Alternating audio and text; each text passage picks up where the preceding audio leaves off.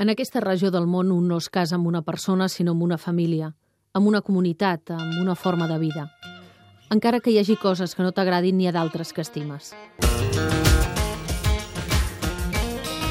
La Michelle, llicenciada en literatura francesa, és una jove australiana desarrelada amb ganes de menjar-se el món.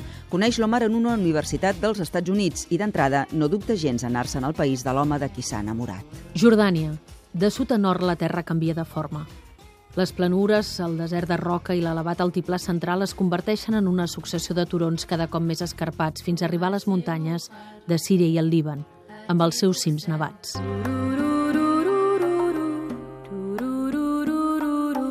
La Michelle sap que només pot arribar a entendre aquest món des de la confiança i ben aviat començarà a experimentar en car pròpia tota la riquesa que aquella cultura tan diferent de l'occidental li ofereix. D'entrada i per damunt de tot, l'hospitalitat. També les celebracions o la musicalitat de l'idioma àrab que enamora la Michelle des del primer moment. Ara sé que el so de l'idioma àrab m'agradarà sempre. El sentiment que m'uneix a ell no desapareixerà mai, passi el que passi.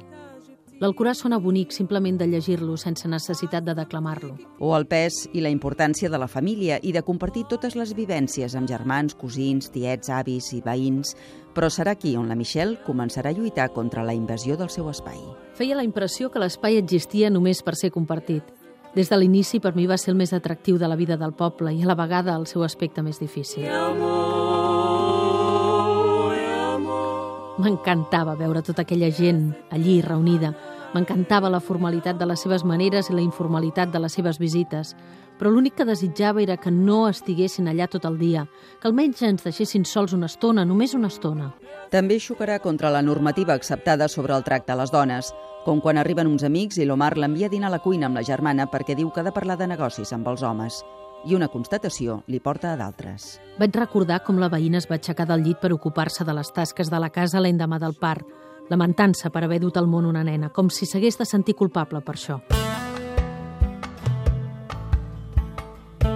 A poc a poc, la realitat del xoc cultural se li va imposant a la Michelle, que comença a reflexionar sobre la seva condició d'integrant d'un matrimoni que avança calladament cap al fracàs. L'altra dona també era occidental. Si hagués sigut àrab, si ell no hagués arribat al punt de dur-la aquí. Va conèixer la família de l'Omar, el pare, les germanes, els cosins, els tiets, i a les cartes i les trucades telefòniques que de vegades ens fèiem em va parlar d'ella, igual que ella li deuen haver parlat de mi. Hi ha qui simpatitza més amb ella i d'altres desitgen que jo torni i passi a ocupar el lloc que em correspon. La política també s'obre per una escletxa durant la presència de la Michelle a Jordània, com quan la desperta el soroll d'una pluja de bombes sobre el sud del Líban, que ella creia que era una altra voladura dels sirians per construir una resclosa sobre el riu per treure-li aigua a Jordània. O com quan sent el muetzí d'una mesquita i li sembla pel to que llença improperis. Aleshores vaig reconèixer les paraules amb Rica i Mr. Bush. Sorpresa, vaig mirar a Namé. Ja havia transcorregut més d'un any des de la Guerra del Golf i alguns més des de la nostra estada a Escòcia. No era el primer cop que comprovava la tírria de la majoria dels jordans pels occidentals i en especial pels americans. A la fi, arriba el comiat, però no l'oblit. Que alguna cosa fracassi no significa que tot hagi estat dolent. I recordar-ho té la seva pròpia dolçor. Per què he rebutjat tot record de Sag, Randa i les altres boniques germanes seves, la vida que vaig dur entre les dones, les excursions al Wadi, l'accés a nous mètodes de pensament, el dolor i el plaer compartits i tantes coses més. Només perquè ja no estic allí, Continuen alant els sons de Jordània.